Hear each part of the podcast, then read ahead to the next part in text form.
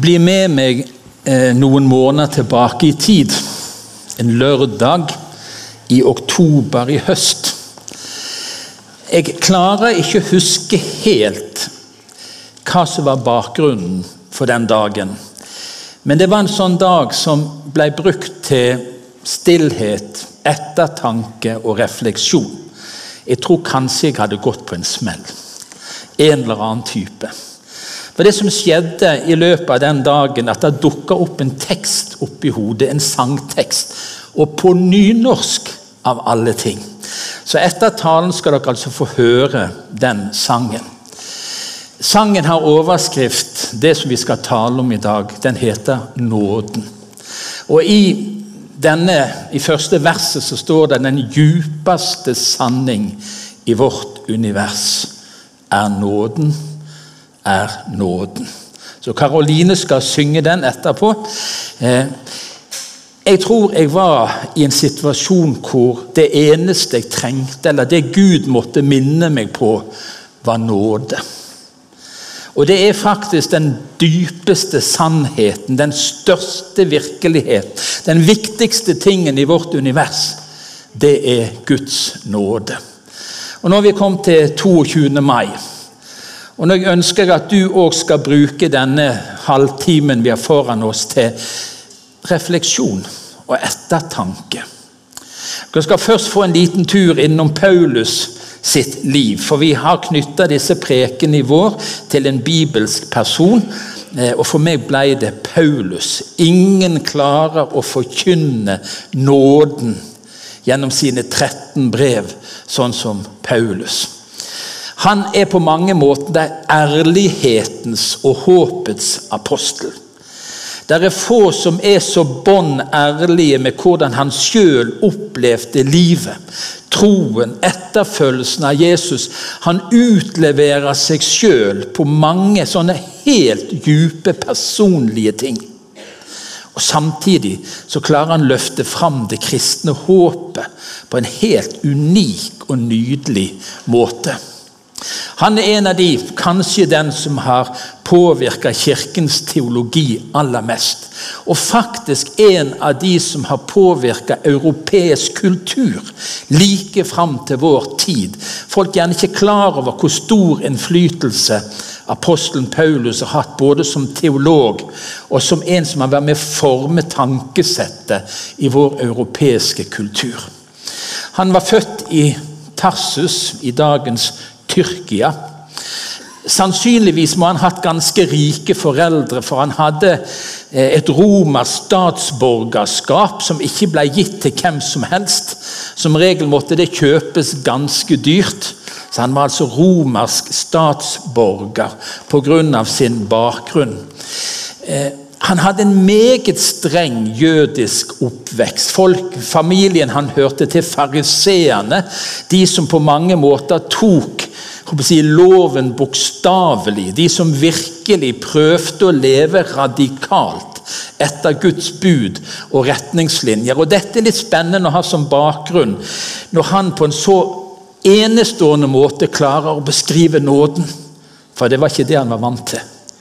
Det han var vokst opp i, de var de strengeste, ned i millimeter ting som måtte overholdes på alle livets områder.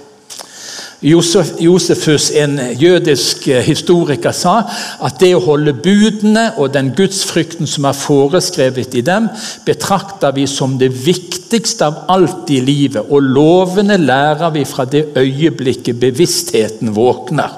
Så nå er dere i gang sant? med Isak. Bevisstheten er i ferd med å våkne, og nå skal det prentes inn. Sånn var det i den jødiske farisistiske tradisjonen. Det skulle prentes inn så snart de var i stand til å ta imot lærdom. De begynte i disse hjemmene å lese i Bibelen fra de var fem år gamle. Da begynte de å lese. Og de leste og de leste, og de pugga de pugga. Mange av de kunne store avsnitt av Bibelen utenat, folkens. Det var under loven, så kan jo vi tenke oss litt om. Og Fra de var ti år, så var det ikke nok å lese i loven og profetene Mosebøkene og det som sto i, i Det gamle testamentet. Da måtte de lære de eldstes forskrifter. Og Nå er jo Det gamle testamentet omtrent så tjukt, men de eldstes forskrifter det var omtrent sånn i tillegg. Så der var det utlegninger av hver eneste lov og retningslinje i, i, i, Bibelen. Så var det forklaringer på forklaringer, og det var rimelig heftige utleggelser som disse ungene skulle lære ganske tidlig. Sannsynligvis i 12-13-årsalderen så reiste Paulus sammen med foreldrene sine til Jerusalem, for han skulle studere til å bli skriftlærd. Da måtte han gå på en forskole. For først når sånn de var 14-15 år, så kunne de virkelig bli si, eh, disipler av en lovlærer. Og Han ble altså disippel av Gamaliel, en av de mest anerkjente og kjente lovlærerne i Israel på den tiden. Så her ser du skolesystemet. Her tok de det på alvor. Men så står det noe Dere må love ikke bruke det mot meg etterpå. Er det greit? Kan vi gjøre en avtale nå? For Han fikk òg en utdannelse som teltmaker.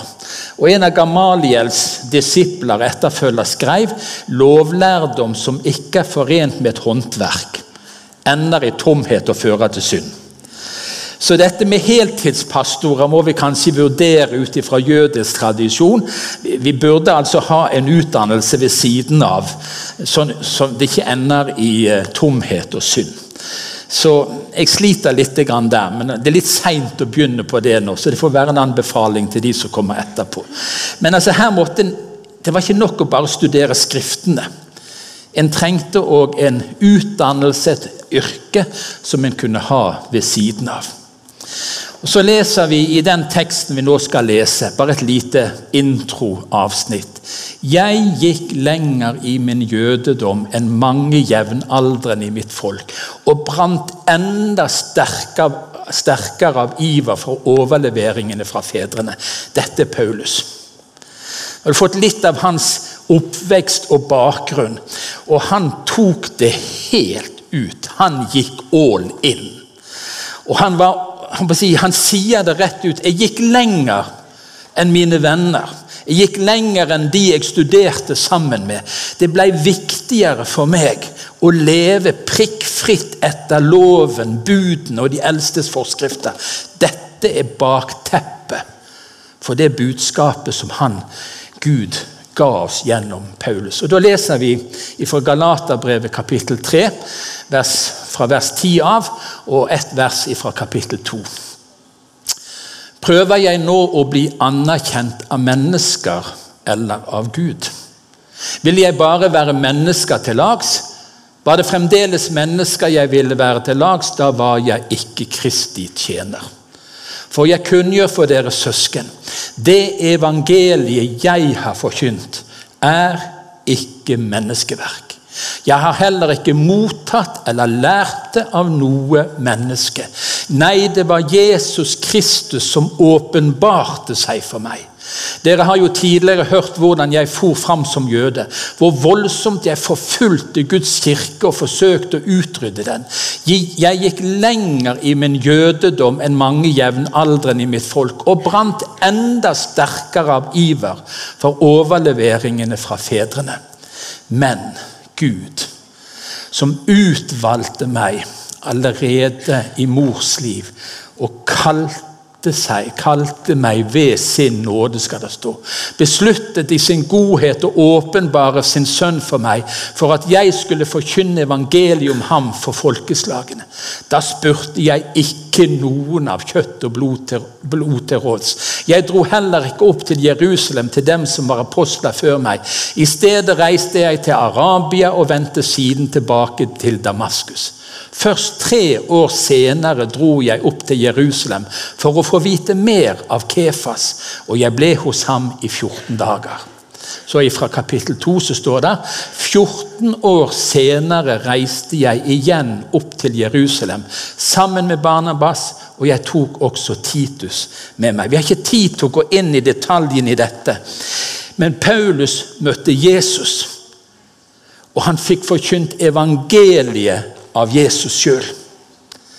Og han var mange, i mange år på en måte en som var alene med Gud. For å vokse sin karakter og sin personlighet til den oppgaven som Gud hadde kalt han til fra mors liv av.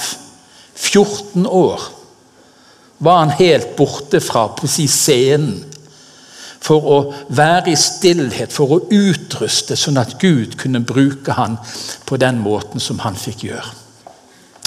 Og hva er Paulus sitt budskap? Folkens, Når er middagen servert i dag? Bare sånn vi...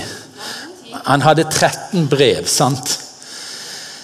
I Apostelis gjerninger kapittel 20 så sier han Derfor erklærer jeg for dere på denne dag at jeg er uten skyld om noen forspiller sitt liv.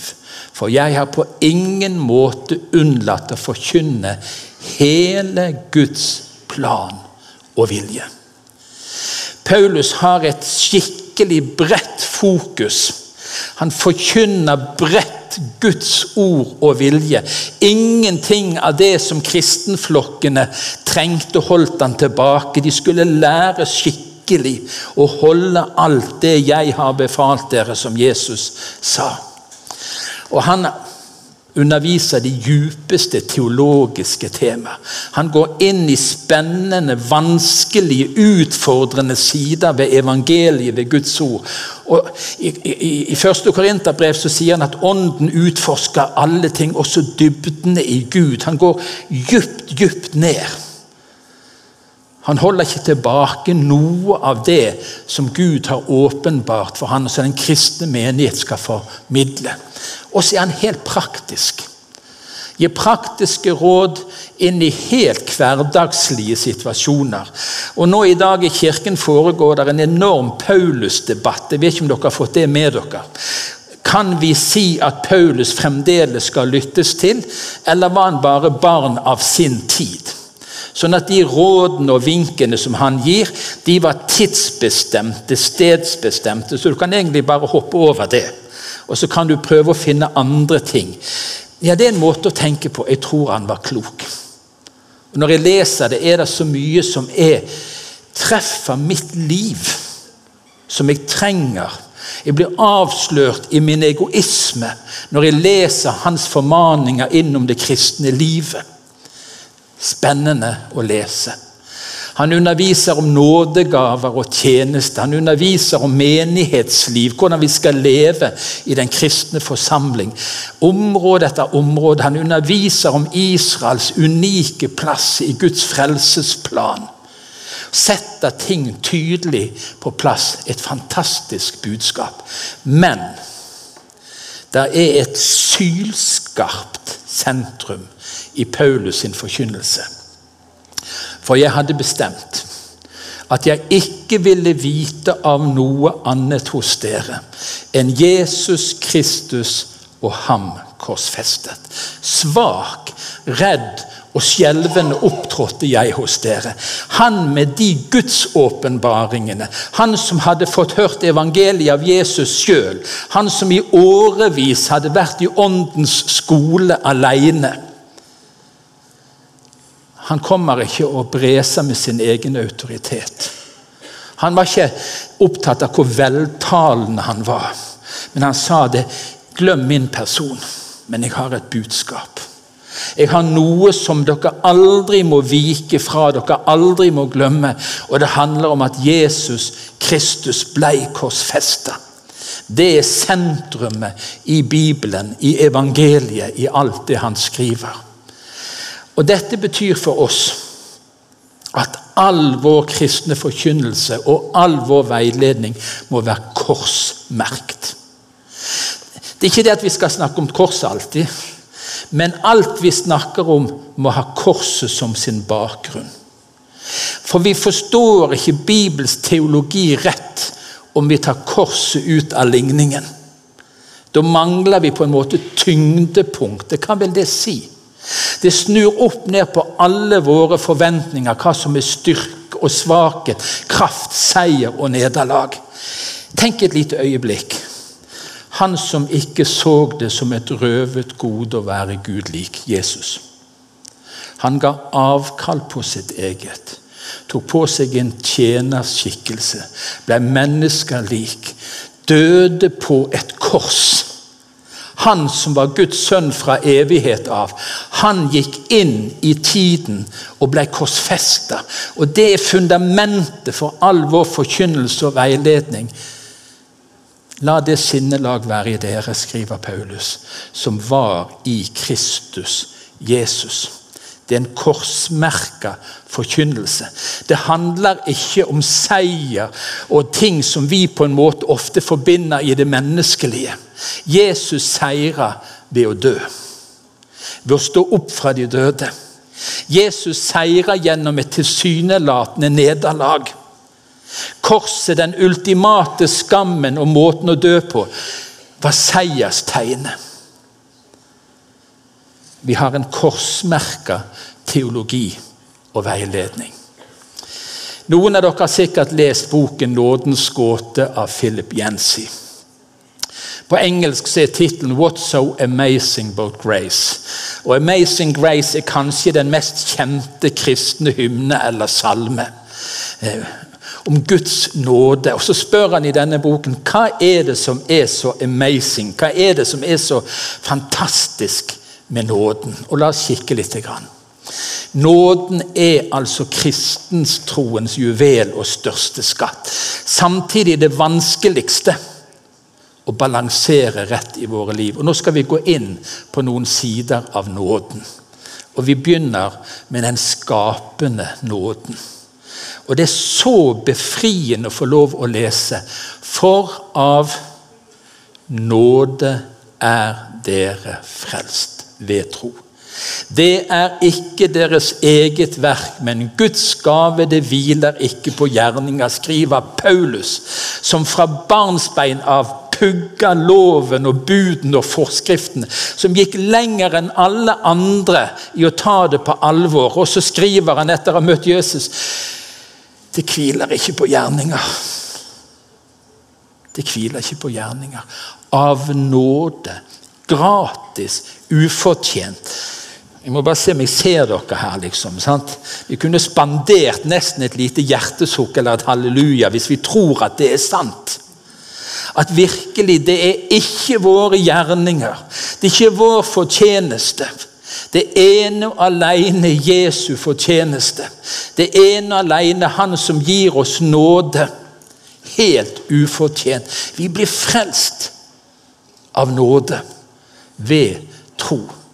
Det skal ikke hvile på gjerninger. Altså Nåden som skaper hele dette, som gjør at vi får lov å tro. Og så er det nåden er så overraskende. Et av de mest provoserende tingene for Paulus må være å skrive den skriver i Romerbrevet 5,20. Men der synden ble stor, ble nåden enda større. Tenk for en fariseer å skrive det. En som hadde vært opptatt av detaljene til den minste prikk og ville leve ulastelig etter budene og forskriftene. Og Så kommer han til en ny erkjennelse og sier han, vet du hva folk, der hvor synden ble stor, ble nåden enda større. Og hvorfor skrev han det? Og vår Herres nåde har vært overstrømmende rik. Det er et troverdig ord og vel verdt å ta imot at Kristus Jesus kom til verden for å frelse syndere, og blant dem er jeg den største. Da trenger du nåde. Da trenger du nåde. Altså, Du kan ikke konkurrere med Paulus i synd. Han har sagt det klart og tydelig at han er blant syndere den største. Og det er en grunn spesielt til det, og det er fordi han hadde forfulgt Guds kirke. Og Gjennom hele hans liv etterpå som en etterfølger av Jesus, så var klangbunnen fra fortiden med i han. Jeg som forfulgte. Jeg som fengsla. Jeg som fikk de torturert, ja, kanskje enda drept. Jeg fikk nåde. Der hvor synden ble stor. ble nåden enda større. Og vet du hva? Hvis du noen gang har tenkt, og det tror jeg du har tenkt i ditt stille sinn, i et ærlig øyeblikk, er det nåde for meg? Har du en ting du har slitt med mer enn én en gang? Du skal slippe å rekke opp hånden. Har du lovt å slutte med noe mer enn to, tre, fem ganger? Har du lovt å begynne på noe bra mer enn ti ganger? De fleste av oss har lovt Gud å slutte med en masse ting. Og vi har lovt han så mange ganger å begynne med noe. Og hvor mange av oss har ikke opplevd at løftet på gudstjenesten søndag formiddag forsvant i koken på mandag? Eller den store opplevelsen, erfaringen vi hadde. Han snudde ikke opp ned på alt i livet mitt. Og så kan vi bli så fortvila. Og så kan vi bli så oppgitte. Og så kommer den gamle fariseeren og sier vet du hva? Der hvor din synd er stor, der er nåden enda større. Så lenge vi er nådehungrige, nådeavhengige, så kan vi få lov å komme med alt det vi ikke fikk til. Amazing grace. O nåde stor og underfull, som fant meg i min synd. Så svak jeg var, men ved Guds ord jeg ser som før var blind. Hvor var det Gud møtte oss? Det var når vi levde i det, praktiserte det. Hadde det som vårt element, det som gikk han imot. Der kom han med sin nåde. Sånn kom han til Paulus på vei til Damaskus for å fengsle og torturere de kristne. Der kom Jesus, men mens Paulus var på toppen av det som var galt i livet, så møter han Jesus. Og så faller han til jorden. Han fant, Jesus fant han i sin synd. Så svak jeg var, men ved Guds ord, jeg som før var blind. Og han ble blind fysisk fikk synet tilbake igjen. Nåden. Den overraskende nåden. Og så er det bare Ja, men da kan vi jo bare kjøre på, da, folkens. sant? For dess mer vi synder, dess bedre blir det. Det er jo ikke det Paulus sier. Skal vi fortsette å synde? Nei, det er ikke det det handler om. For Guds nåde er blitt åpenbart til frelse for alle mennesker. Den oppdrar oss. Den oppdrar oss til å si nei til et ugudelig liv og verdslige lyster. Sjølve nåden som frelste oss, gjør noe når den får ta bolig i oss. Nå er det litt forskjellig hvordan unger oppfører seg. Men jeg vet som tenåring at det var ting jeg ikke gjorde for å ikke skuffe mor og far. Har du vært borti det? Det var liksom et eller annet ærefrykt for mor og far. Det var noe som holdt deg tilbake. Ja, Av og til gjorde vi noe for å provosere òg. Sånn er det å være menneske. Sånn er det å være ungdom. Men det var lagt i de fleste av oss et eller annet av at jeg har ikke lyst til å skuffe dem. Jeg har ikke lyst til å såre dem. Det er noe med den kjærligheten. Og når nåden har tatt bolig i oss, så oppdrar den oss. Den virker i oss sånn at vi avsløres når vi kjenner Og da hadde det vært deilig med en liten synd nå. Hvem er det som ikke kjenner på det? Bare sånn liten en. Hæ? Vi kjenner på det, alle mann. Jeg er sikker på at du kommer til å kjenne det før denne dagen er over. Bare en liten en. Men så kommer nåden. Så spør han er det sånn det skal være. Den oppdrar oss til å si nei til noe. Nåden oppdrar oss. Hva skal vi da si, skriver han i neste kapittel i Romerbrevet? Skal vi fortsette å synde så nåden kan bli enda større? Slett ikke. Bare la oss legge det død med en gang. sant? La oss bare legge det ned. Vi fortsetter ikke for at nåden skal bli større. Men ta det til deg der hvor synden ble stor, ble nåden enda større. Der er nåde å få. Og så er det noe som er vanskelig å tale om. Den avslørende nåden. Galaterbrevet handler mye om det. Det undrer meg at dere så raskt vender dere bort fra Ham som har kalt dere ved Kristi nåde, og til et annet evangelium. til en menighet, undervist av Paulus i hva nåde er. Så kommer han tilbake noen år seinere, så har de forandra seg. Det er et eller annet som har bleikna. Nåden er ikke lenger nok. Og så begynner de å lytte til ja, nåde er greit, men nåde pluss. Nåde pluss gode gjerninger.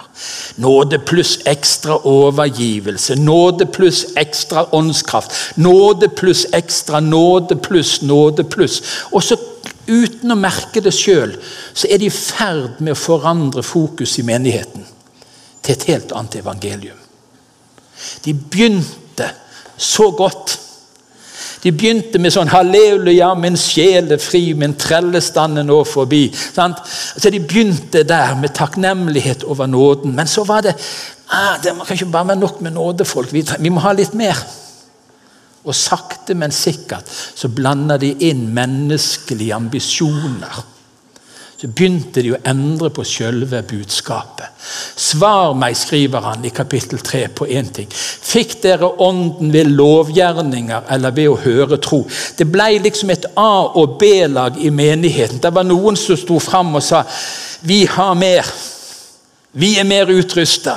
Vi har mer salvelse, vi har mer ånd, vi har mer kraft i våre liv. Og det er fordi vi har sjøl fortjent det på en eller annen måte. Og så skriver han Hvordan fikk du ånden?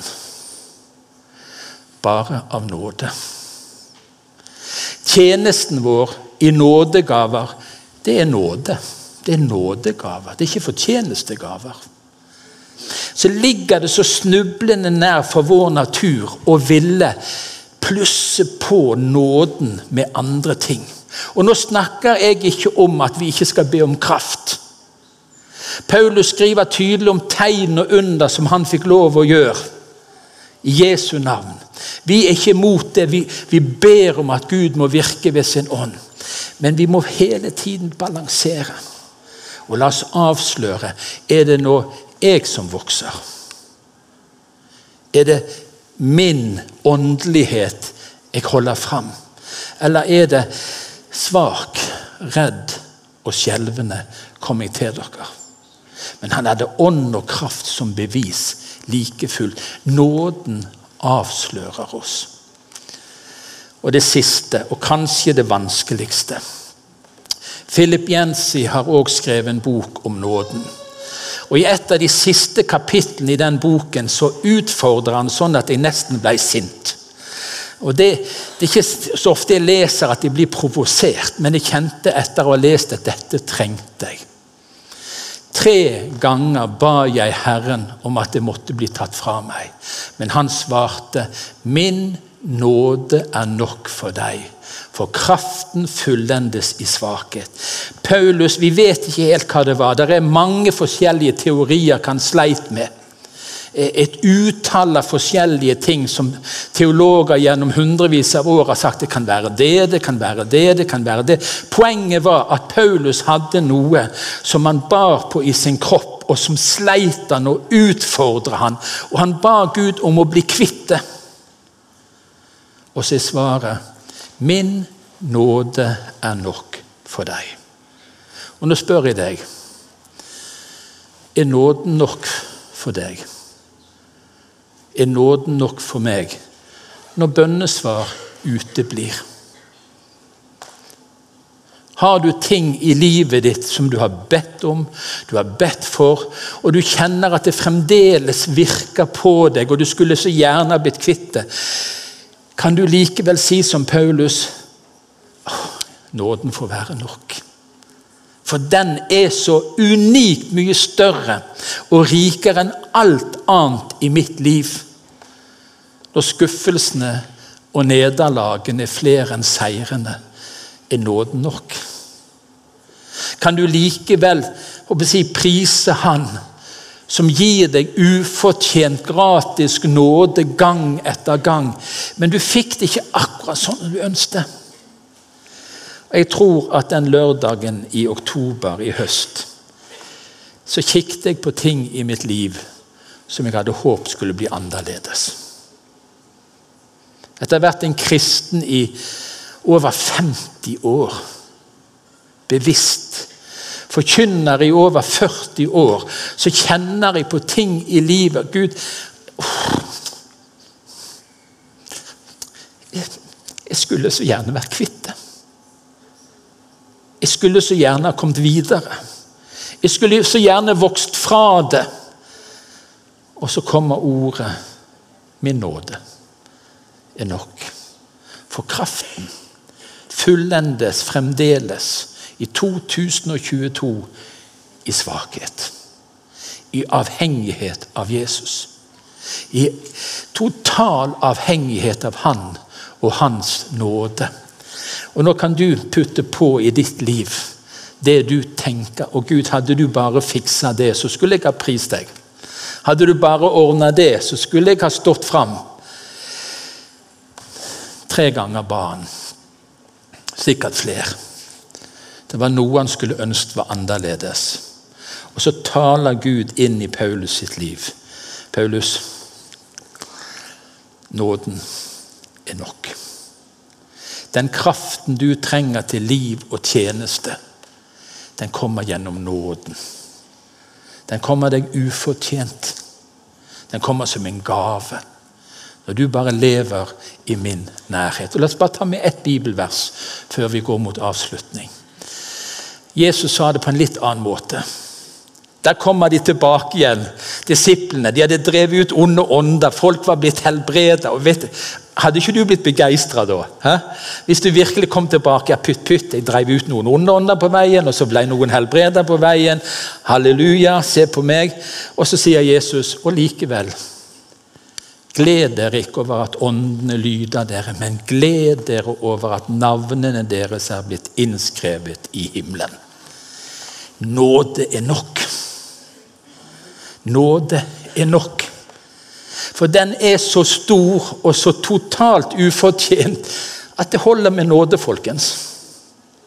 Det betyr ikke at vi skal søke, slutte å søke Guds gaver og Guds nærhet og Guds kraft, men nåden er alltid nok. Nåden er alltid nok. Og Skulle du oppleve virkelig at Gud fikk bruke deg, så kommer Jesus tutlende. Du, det var nok meg som gjorde det, men jeg brukte deg. Så vær nå glad du at navnet ditt ennå står i himmelen. Det holder, det, ser du. Det er nok, det. Det er nok. I dag er det altså 22. mai. Hvordan har du det med nåden? Nå skal du øyeblikk få høre sangen. I et av versene, det andre verset, som står der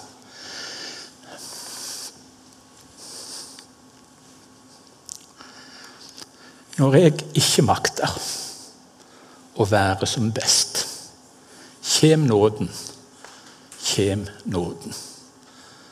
Har du erfart det? At det er dager i ditt kristne liv du ikke er på ditt beste. Du er ikke sånn som du skulle være. Du gjør ikke det du skulle ha gjort. Du sier ikke det du skulle ha sagt.